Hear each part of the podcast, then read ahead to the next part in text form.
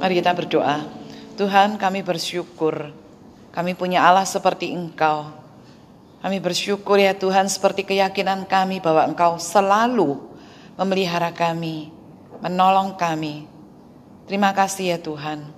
Sungguh Engkau adalah Allah yang setia, Allah yang sangat mempedulikan setiap detil dalam kehidupan kami. Bahkan apa yang tidak terpikirkan oleh kami, itu sudah Engkau pikirkan bagi kami. Tuhan kami bersyukur punya Allah yang seperti Engkau.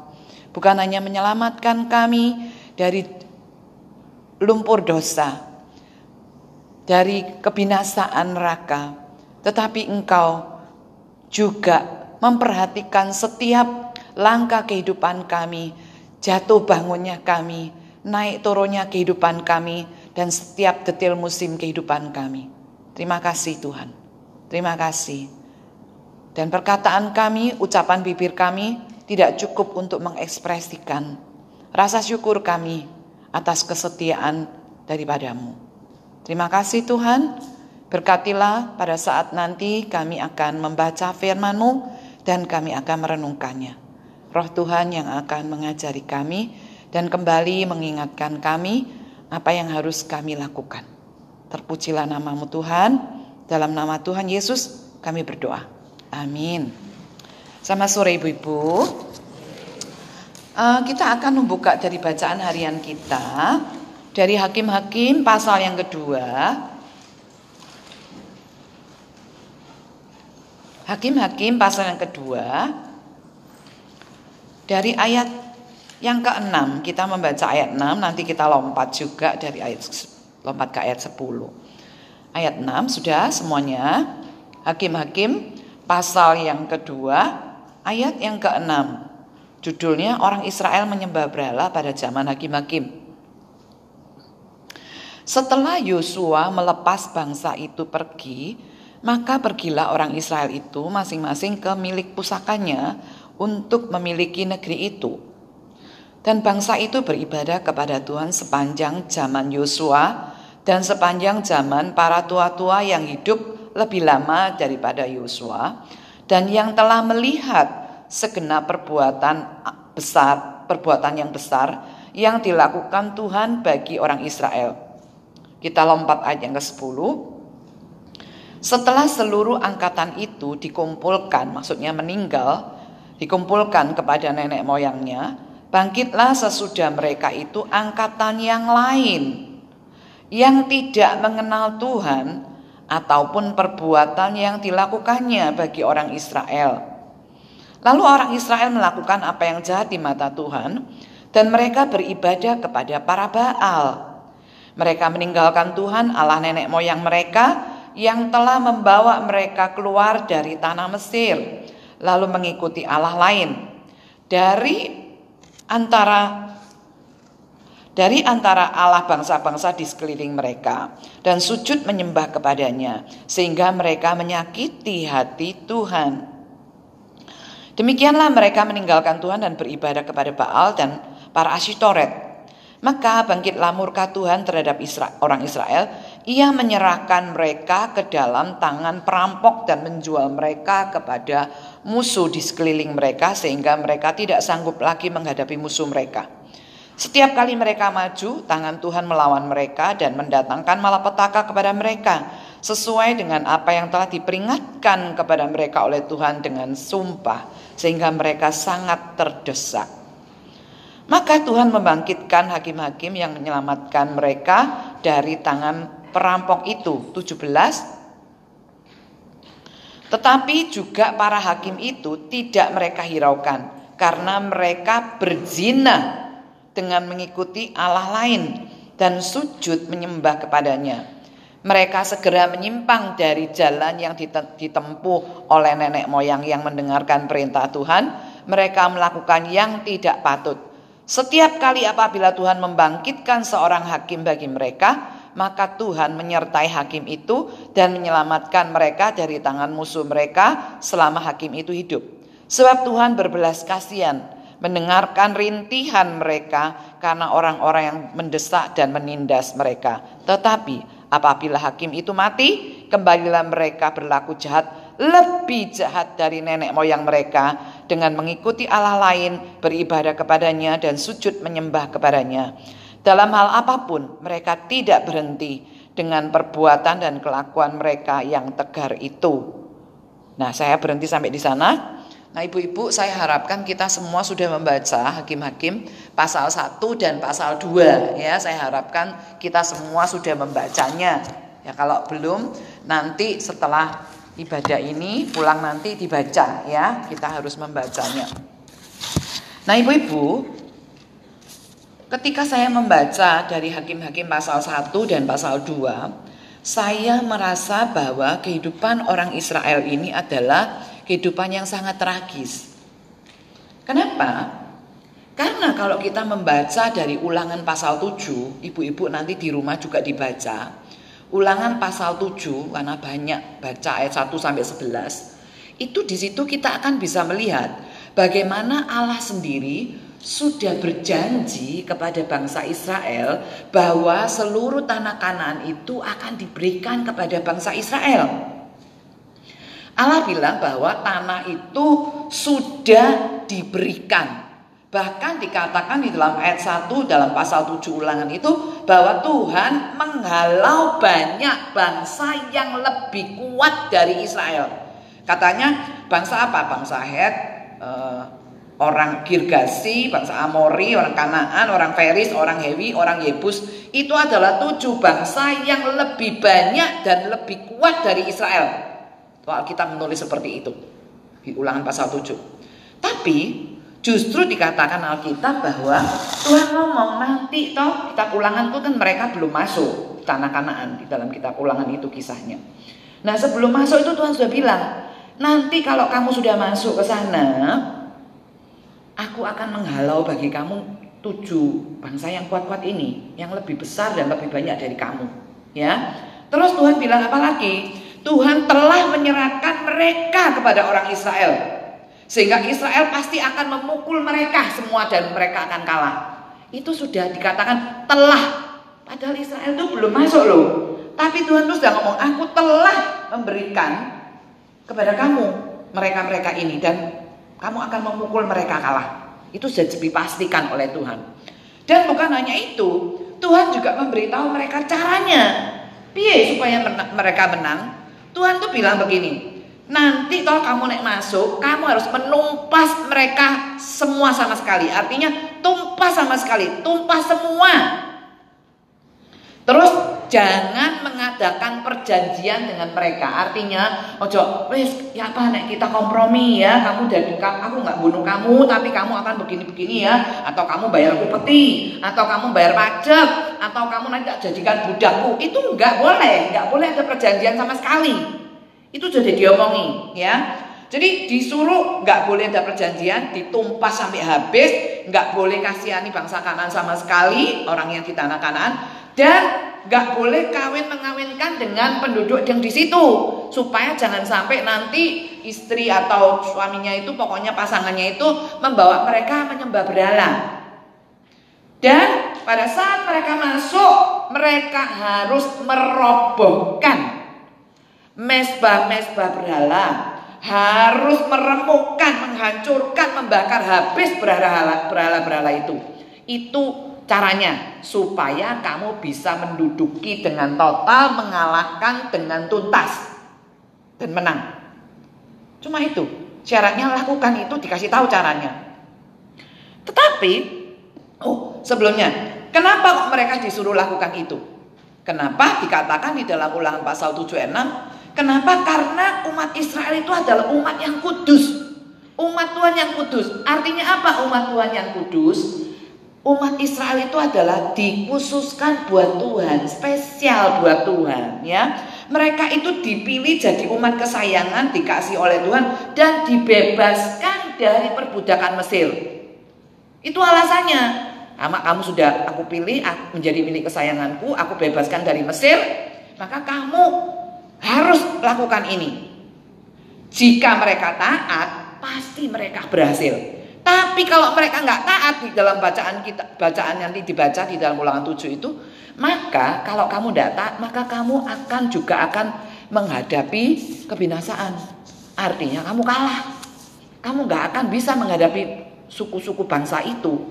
Nah, ibu-ibu kalau kita baca dalam kitab Hakim-Hakim pasal 1, apa yang terjadi ibu-ibu kenyataannya? Hmm? Mereka mengadakan perjanjian, bukan? Perjanjian ada yang disuruh jadi mata-mata, kasih tahu caranya masuk, nanti kamu ndak tak bunuh, gitu kan? Dan mereka nggak menyingkirkan sampai tuntas. Dikatakan dia dalam Alkitab. Dan mereka akhirnya apa yang terjadi? Kalau kita lihat bahwa mereka itu akhirnya menyembah berhala, berarti apa? Mesbah-mesbah berhala itu juga tidak ditumpas, tidak dirobohkan, tidak dihancurkan. Jadi mereka itu tidak melakukan apa yang Tuhan perintahkan.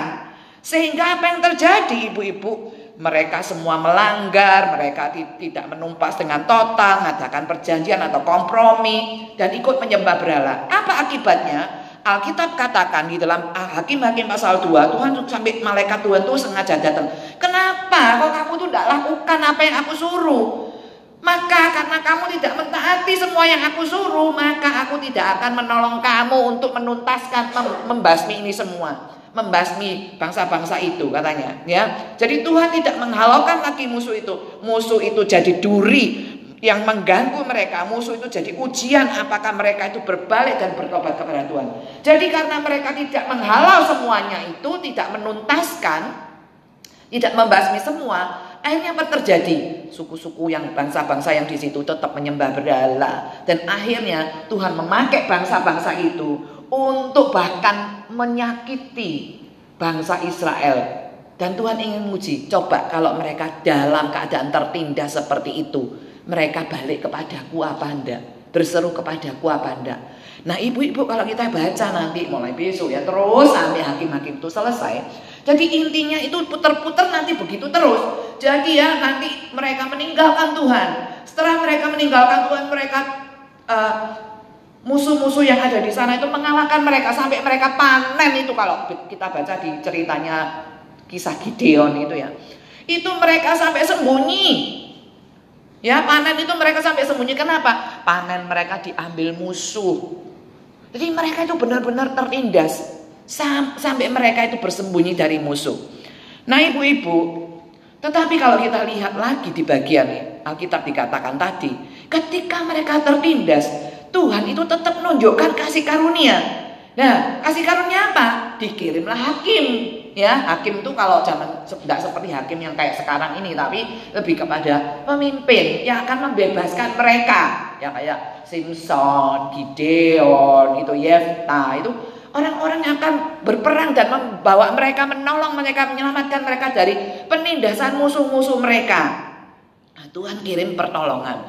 Tetapi bangsa Israel ini walaupun Allah kirim hakim untuk membebaskan mereka, Alkitab dalam bacaan kita dikatakan nanti pada waktu sudah ditolong, hakim itu masih hidup, masih ada mereka masih ikut-ikut Tuhan.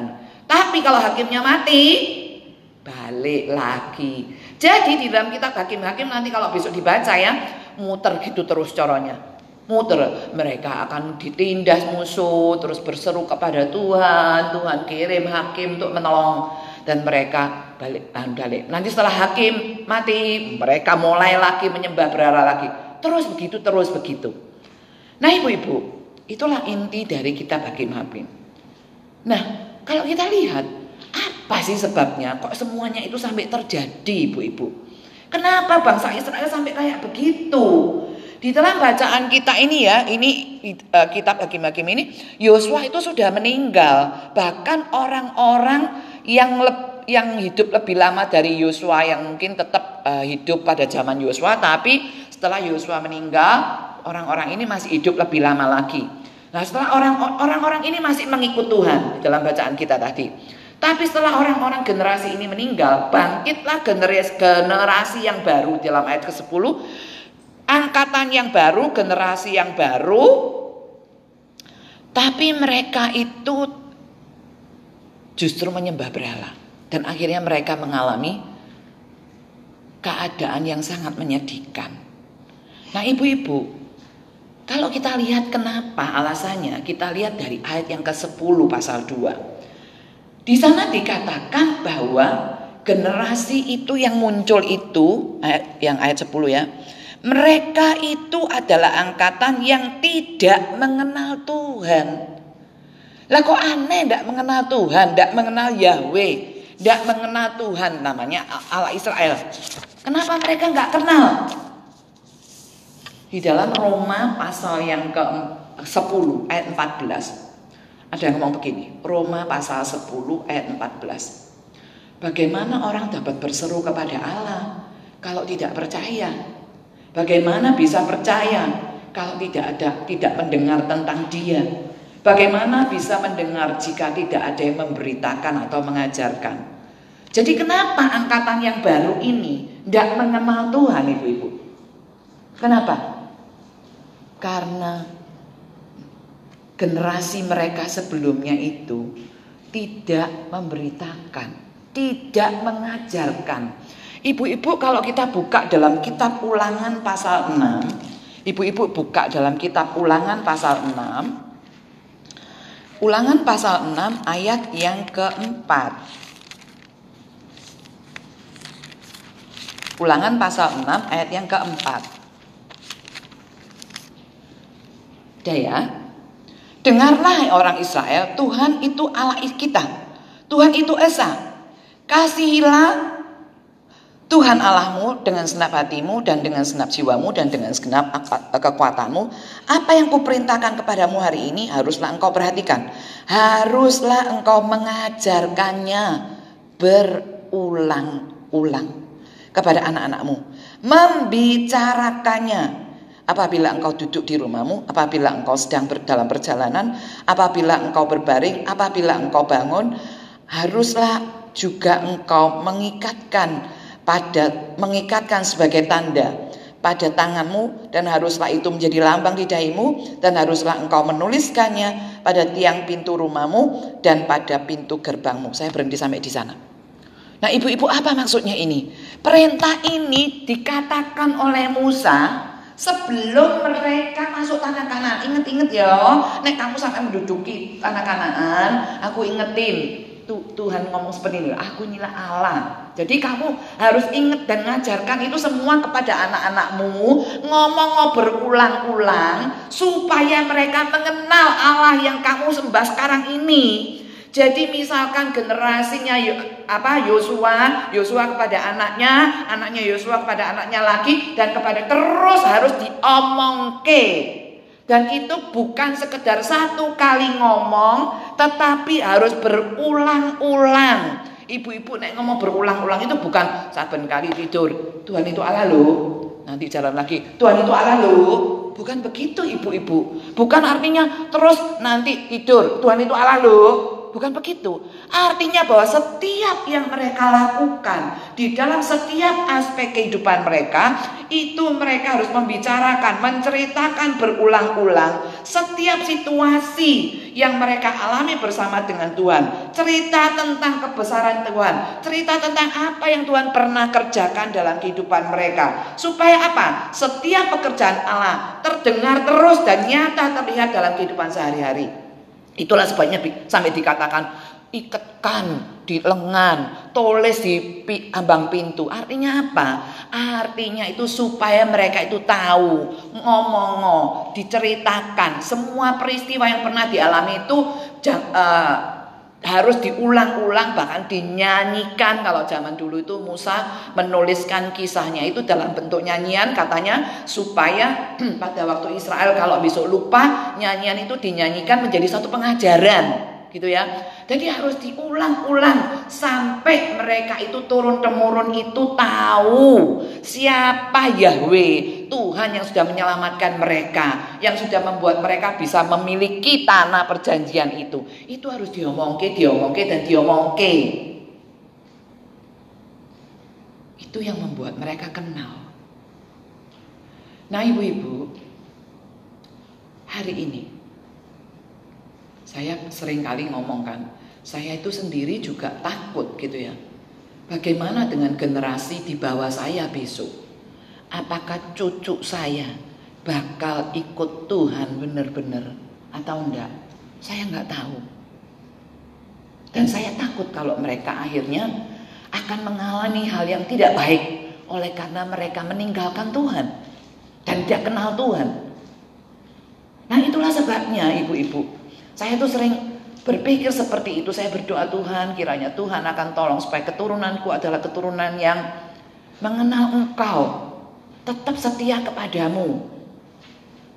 Dan diperkatakan setiap yang yang aku saya alami itu saya selalu ngomong sama tuh Tuhan tolong tuh kayak gini loh Tuhan tolong tuh kayak gini loh jadi setiap yang Tuhan lakukan itu selalu saya ceritakan kepada anak-anak saya ceritakan saya mama ngalami kayak gini Tuhan itu loh buka jalan kayak gini. Mama ngalami kayak gini. Tuhan itu loh mendengar doa mama. Mau minta kepada Tuhan Tuhan tuh ajaib melakukan seperti itu. jadi selalu diperkatakan. Sehingga apa? Dengan harapan mereka itu yang tidak ngalami seperti yang saya alami, tapi mereka itu mendengarkan apa yang saya ceritakan, mereka itu tahu bahwa Allahnya mamanya ini, Tuhannya mamanya ini adalah Tuhan yang benar dan Tuhan yang hidup. Dan itu Tuhan yang bisa hadir di dalam setiap segi kehidupan. Bukan cuma di gereja. Tapi di dalam setiap segi kehidupan. Nah hari ini ibu-ibu, Khususnya dalam masa pandemi ini. Wah ini tanggung jawab justru lebih besar. Kenapa? Lawang gak ono ibadah anak-anak di gereja. Tidak ada ibadah tim. Youth pun online. Kalau online tidak tahu berapa banyak yang ikut. Kita nggak tahu. Itu lebih serem lagi. Apakah mereka benar-benar ikut Tuhan? Apakah mereka masih ingat Tuhan? Nah itu adalah justru masa pandemi ini adalah masa di mana kita ini punya peranan sebagai orang tua itu punya peranan justru lebih besar. Tugas kita untuk ngingetin, ngomongin, ya ngomongin. Banyak orang berpikir, ah aku kalau dulu sebelum apa sebelum pandemi, aku wis bawa anakku ke gereja sejak cilik wis tak baptis, wis selesai tugasku. Wis dibaptis pokoknya anak wis baptis. Kalau di gereja tertentu nggak dibaptis tapi diserahkan, dibawa kayak penyerahan anak gitu ya. Wis selesai. Wis wis tak serahkan pada Tuhan, wis tak baptis sudah. Ibu-ibu, baptis itu bukan selesai bahwa wis anakku wis tak serahkan kepada Tuhan. Itu urusannya Tuhan atau urusannya guru sekolah minggu. Nek pas, pas dulu sih ada sekolah minggu itu. Banyak orang berpikir seperti itu, ibu-ibu. Tapi sebenarnya enggak loh. Justru pada waktu kalau ibu-ibu inget-inget ya, inget-inget pada waktu membaptiskan anak itu biasanya dikatakan kepada orang tua justru saat inilah dimulai gimana orang tua itu komitmen pada waktu baptisan anak itu adalah komitmen orang tua aku ini berjanji di hadapan Tuhan keturunanku ini anak ini akan aku bawa kepada Tuhan Bukan wes tak ke aku lepas tangan. No. Justru pada saat membawa anak untuk dibaptis itu artinya aku berjanji akan membawa anak ini, membimbing anak ini kepada Tuhan. Tapi berapa di antara kita yang ingat akan hal itu dan melakukan tanggung jawab kita untuk membimbing anak-anak kita dan mengingatkan anak kita untuk datang terus ingat kepada Tuhan. Mari bicarakan tentang Tuhan. Biarkan mereka bisa tahu Tuhan kita itu Tuhan yang seperti apa. Walaupun hal-hal kecil kita mengalami pertolongan Tuhan, tetap diceritakan setiap yang kita alami dan melihat Tuhan bekerja. Kita hubungkan setiap peristiwa kehidupan kita dengan karya Allah dan kesetiaannya. Jangan sampai kita, eh kamu tidak ikut Tuhan, enggak enggak ikut Tuhan tuh berarti kamu nanti masuk neraka loh. Jangan cuma isone medeni gitu toh. Saya itu kemarin pulang Surabaya, saya itu diceritani seorang. Orang itu ngomong begini, kenapa kok keluargaku akhirnya nggak mau melok Kristen? Dia bilang gitu. Kenapa kok keluargaku akhirnya nggak mau Kristen? Karena aku ingat pada waktu aku masih kecil, itu mamaku itu pernah diomongi di tanteku. Tanteku tuh Kristen katanya. Tanteku tuh Kristen. Tanteku ngomong gini sama mamaku. Kan ya, kamu ya satu keluarga gak gelem nang gereja. Semua melok setan. Katanya begitu. Gak gelem nang gereja, semua melok setan. Aku mangkel waktu itu katanya. Ini anaknya sudah besar ceritanya, jadi cerita. Aku mangkel gitu. Ketemu sepupuku, sepupuku yang ngomong ngono. Kamu gak melok gereja, melok setan. Tambah mangkel aku. Aku ngambil keputusan, aku gak gelem mlebu gereja. Tak lihat-lihat, ternyata wong Kristen yang gak seapi itu, buktine malah berantakan. Gak melok gereja, aku melok kelenteng. Malah kok keluargaku, saudara-saudaraku semua baik-baik. Wow, ibu-ibu lihat. Berarti apa yang dilihat oleh orang ini? Orang ini lihat bahwa untuk membuat orang itu ikut Tuhan itu loh. Caranya itu enggak kayak gitu. Ibu-ibu yang paling baik untuk mengajak orang-orang mengenal Tuhan itu apa sih ibu-ibu? Paling baik adalah ceritakan Tuhanmu itu seperti apa dan apa yang kita alami bersama dengan Tuhan. Wow, Tuhan, aku ngalami Tuhan tuh nolong aku seperti ini. Tuhanku sudah menyelamatkan aku. Tuhan tuh seperti ini, Tuhan seperti ini. Kasih setianya. Kita cerita. Sehingga mereka tidak merasa terintimidasi. Tidak merasa terhakimi. Apalagi mangkel. Gak sampai mangkel. Sehingga apa? Dengan demikian mereka kenal. Siapa Tuhan. Nah, ibu-ibu, saya nggak tahu bagaimana kita mengajak anak-anak kita mengenal Tuhan, atau keponakan kita, atau cucu kita mengenal Tuhan. Apa pakai ancaman begitu? Kamu ya, nek nggak mau rajin berdoa, kamu nek nggak ibadah, kamu nanti Tuhan hukum loh kamu, nanti kamu ngalami gini gini gini. Wah, Tuhannya jadi jelek. Ibu-ibu, mari ceritakan, perkenalkan siapa Tuhan dengan cara bagaimana? Perkatakan Tuhan itu seperti apa dalam hidup kita. Karena dengan menceritakan seperti itu, nggak ada orang yang bisa bantah. Itu otentik. Tuhan kita itu seperti apa? Itu otentik. Jadi ibu-ibu, saya harapkan dan itu harus menjadi doa setiap kita bahwa keturunan-keturunan kita besok mengenal dengan benar, dengan akrab siapa Tuhan kita melalui hidup kita yang jadi contoh. Ya, hidup kita yang menunjukkan Tuhan kita itu loh seperti apa. Bukan hidup yang penuh omelan, penuh kutuk, penuh juga iri hati, penuh juga caci maki. Wah, kalau kayak gitu, ya orang tidak bakal ikut lah. Orang gereja kok kayak ngono malah berantakan hidupnya. Tuhan ini kok kayak ngono. Tuhan gue lebih happy. Buktinya apa? Aku api-api itu. Jadi ibu-ibu, marilah kita lakukan apa yang Tuhan perintahkan kepada kita. Perkatakanlah, ceritakanlah, berulang-ulang tentang siapa Tuhan kita itu melalui setiap peristiwa yang terjadi dalam hidup kita. Sambungkan itu dengan karya Tuhan yang setia kepada kita. Itu yang pertama. Ayat 10 tadi, karena orang-orang itu meninggalkan Tuhan karena mereka nggak kenal siapa Tuhan. Berikutnya dikatakan bahwa mereka itu bukan hanya tidak kenal Tuhan, mereka juga tidak tahu tentang perbuatan Allah bagi bangsa Israel. Dalam ayat 10 itu, pasal 2 ayat 10 itu. Artinya apa? Mereka itu tidak tahu.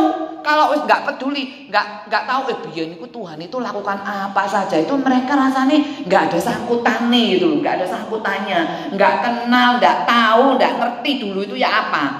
Nah ibu-ibu ada baiknya kok kita menceritakan peristiwa dulu dulu dulu mak itu ngalami kayak gini dulu tante Ii kayak ngalami kayak gini itu itu walaupun kisah lama itu tetap menarik untuk diberitakan kalau itu berhubungan dengan Tuhan kita. Jadi ibu-ibu berkali-kali Alkitab menekankan tentang perbuatan Allah bagi bangsa Israel. Dan setiap kali yang ditekankan itu selalu tentang bagaimana Allah membebaskan mereka dari perbudakan di Mesir. Kalau kita lihat Hakim-Hakim pasal 2 ayat 1 juga ngomong begitu. Keluaran pasal 20 sebelum 10 perintah Allah diberitakan itu juga gitu. Akulah Allah yang membebaskan kamu, yang menuntun kamu keluar dari Mesir. Selalu itu berulang-ulang ya. Ibu-ibu sudah baca Alkitab kan? Berulang-ulang ada Allah yang membebaskan dari perbudakan di Mesir yang menuntun kamu keluar dari Mesir. Nah, Sebenarnya ada banyak sih perbuatan Allah untuk bangsa Israel, tetapi sepanjang kita membaca Alkitab, selalu berkali-kali diucapkan tentang karya Allah yang menuntun mereka keluar dari Mesir dan membebaskan mereka dari perbudakan. Sebenarnya ibu-ibu, seperti yang sering kali saya katakan, peristiwa mereka dibebaskan dari perbudakan di Mesir. Itu sebenarnya menggambarkan peristiwa di dalam perjanjian baru di mana kita orang-orang yang sudah ditebus dan dibebaskan dari perbudakan dosa oleh karena penebusan Yesus di atas kayu salib dengan mencucurkan darah dan darahnya itu membasuh dosa kita dan darahnya itu yang membungkus kita sehingga kita ini bebas dari hukuman. Kalau perjanjian lama bangsa Israel yang rumahnya ada olesan darah anak domba kan lolos tapi rumahnya orang-orang Mesir anak sulungnya semuanya mati ya kan nah itu menggambarkan bagaimana anak domba Allah yaitu Yesus Kristus yang akan datang mencurahkan darahnya untuk menebus kita nah semuanya itu menunjukkan kepada Kristus nah itu sebenarnya ibu-ibu kalau kita baca 1 Korintus 15 ayat 3 sampai 4 inti sari Injil itu yaitu apa sih Injil? Injil itu adalah Yesus mati di kayu salib bagi dosa kita, mati, bangkit pada hari yang ketiga naik ke surga. Jadi inti Injil adalah Yesus datang ke dunia, mati untuk kita, menang hukuman dosa kita, dan dia bangkit pada hari yang ketiga untuk kita, memberikan kemenangan kepada kita. Itu inti sari dari Injil. Jadi ibu-ibu, Sebenarnya apa sih? ya kalau uh, kalau dikatakan bangsa Israel nih nggak ngerti perbuatan Allah, rupanya ini peristiwa di mana Allah memimpin umat Israel membebaskan mereka dari perbudakan itu rasanya nggak ada sangkut pautan dengan mereka. Kenapa? Mereka itu nggak pernah mungkin diceritakan ulang, mereka nggak pernah diingetin. Tetapi hari ini ibu-ibu, hari ini di dalam Roma pasal 1 ayat 16 dikatakan, Injil adalah kekuatan Allah yang menyelamatkan. Jadi kalau kita memberitakan, ceritakanlah tentang Yesus yang mati di atas kayu salib dan bangkit bagi kita. Ceritakan tentang Yesus yang mencurahkan darahnya di kayu salib membasuh dosa kita dan mengampuni kita. Mari kita ceritakan. Ceritakan karena itu adalah Injil yang menyelamatkan. Sering orang-orang Kristen biasa. Coba saya ingin bertanya kepada ibu-ibu. Bagi ibu-ibu, cerita tentang Yesus mati di atas kayu salib. Kisah peristiwa Yesus mati di atas kayu salib. Mati, dikuburkan, dan bangkit pada hari yang ketiga. Seberapa gregetnya itu masih menyentuh hati kita. Kita tahu mungkin, tapi sampai sampai masih membuat kita itu apa itu rasanya itu ada gregetnya itu loh di dalam diri kita. Masih apa enggak? Jangan-jangan oh ya aku tahu Yesus mati. Wes, dah. Tapi nggak ada gerengnya di dalam diri kita. Ibu-ibu, sebentar lagi kita akan merayakan Jumat Agung. Saat-saat seperti ini itu loh, itu momen yang paling baik untuk kita. Untuk cerita, walaupun kita tidak cuma satu tahun sekali menceritakannya. Tetapi momen ini adalah momen yang jauh lebih memudahkan kita untuk menceritakan kenapa ada Jumat Agung. Penebusan Kristus adalah awal dari segala sesuatu, titik awal dari kehidupan baru, dasar dari segala berkat damai dan sukacita. Kalau Kristus tidak mati untuk kita, hari ini kita tidak ada harapan, ibu-ibu, tidak ada harapan. Ketika kita meninggalkan dunia ini, kita pasti akan menuju ke satu tempat yang penuh penderitaan. Tapi justru karena penebusan Kristus itu titik awal di mana kita akan menikmati tanah perjanjian surgawi, tempat yang sudah Tuhan sediakan dan itu pasti.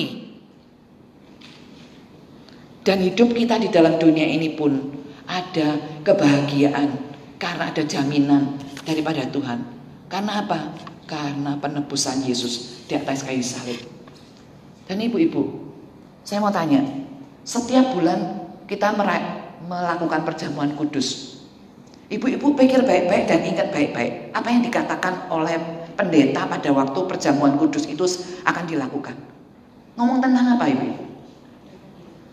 tentang tubuh Kristus yang dipecah-pecahkan bagi kita, bagi penebusan kita, darahnya untuk pengampunan dosa kita. Betul kan? Setiap bulan diulangi kan? Ngapain? Untuk apa? Tujuannya adalah seperti yang dikatakan pendetanya untuk mengingat akan daku. Sebagai peringatan akan daku. Jadi ibu-ibu, itulah sebab kita melakukan perjalanan modus. Bukan sekedar ah, makan ini, makan ini ya. Pak foto tulisannya api ki masuk Instagram titik. Lu saya tidak nyalakan masuk Instagramnya itu. Tapi seberapa itu kita sungguh merendung terima kasih Tuhan. Terus kita memberitakan. Membuat keturunan kita itu ingat loh, ingat loh. Kita ini utang kepada Yesus Dialah yang menebus kita sehingga hidup kita ini miliknya dia. Hidup kita ini miliknya dia. Jadi kita ini harus terikat kepada dia seperti Israel. Ditebus dari tanah Mesir, hidupnya harus terikat miliknya Tuhan. Kita ini juga. Hidup kita ini miliknya Kristus. Jadi kita kalau miliknya Kristus kita nggak bisa hidup sembarangan sakarepku keputusan-keputusan menurut aku sendiri tidak. Setiap yang kita lakukan tuh kita mikirnya Tuhan. Karena Dia aku akan mengampuni orang. Karena Dia aku akan hidup benar. Karena Dia adalah Tuhanku maka aku akan terus hidup dan beribadah dan melakukan hal yang benar. Itu karena Dia, karena Dia. Jadi hidup kita terus melekat. Dan mari kita juga ceritakan itu kepada anak-anak kita.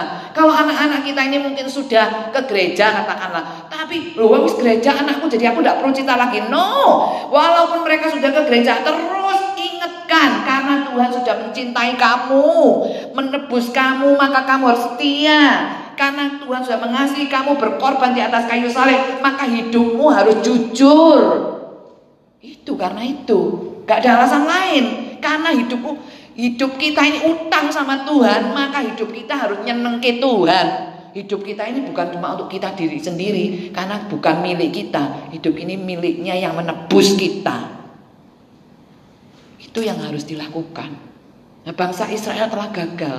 Kenapa? Karena mereka rasa tidak ada sangkut pautnya dengan pembebasan di, dari Mesir itu loh. Mereka rasa tidak ada sangkut tani. Nah hari ini keturunan-keturunan kita Apakah mereka bakal ikut Tuhan sampai besok-besok setia sampai akhir atau tidak? Itu tergantung apakah kita mau memberitakan, memperkatakan kepada mereka setiap hari peristiwa yang kita alami, kita ceritakan kalau karena semua karena Tuhan. Apakah kita mengingatkan mereka selalu bagaimana hidup mereka itu berhutang kepada Tuhan yang sudah menebus mereka? Apakah kita juga merasa berhutang kepada Tuhan dengan hidup kita yang punya komitmen dan hidup benar di hadapan Tuhan.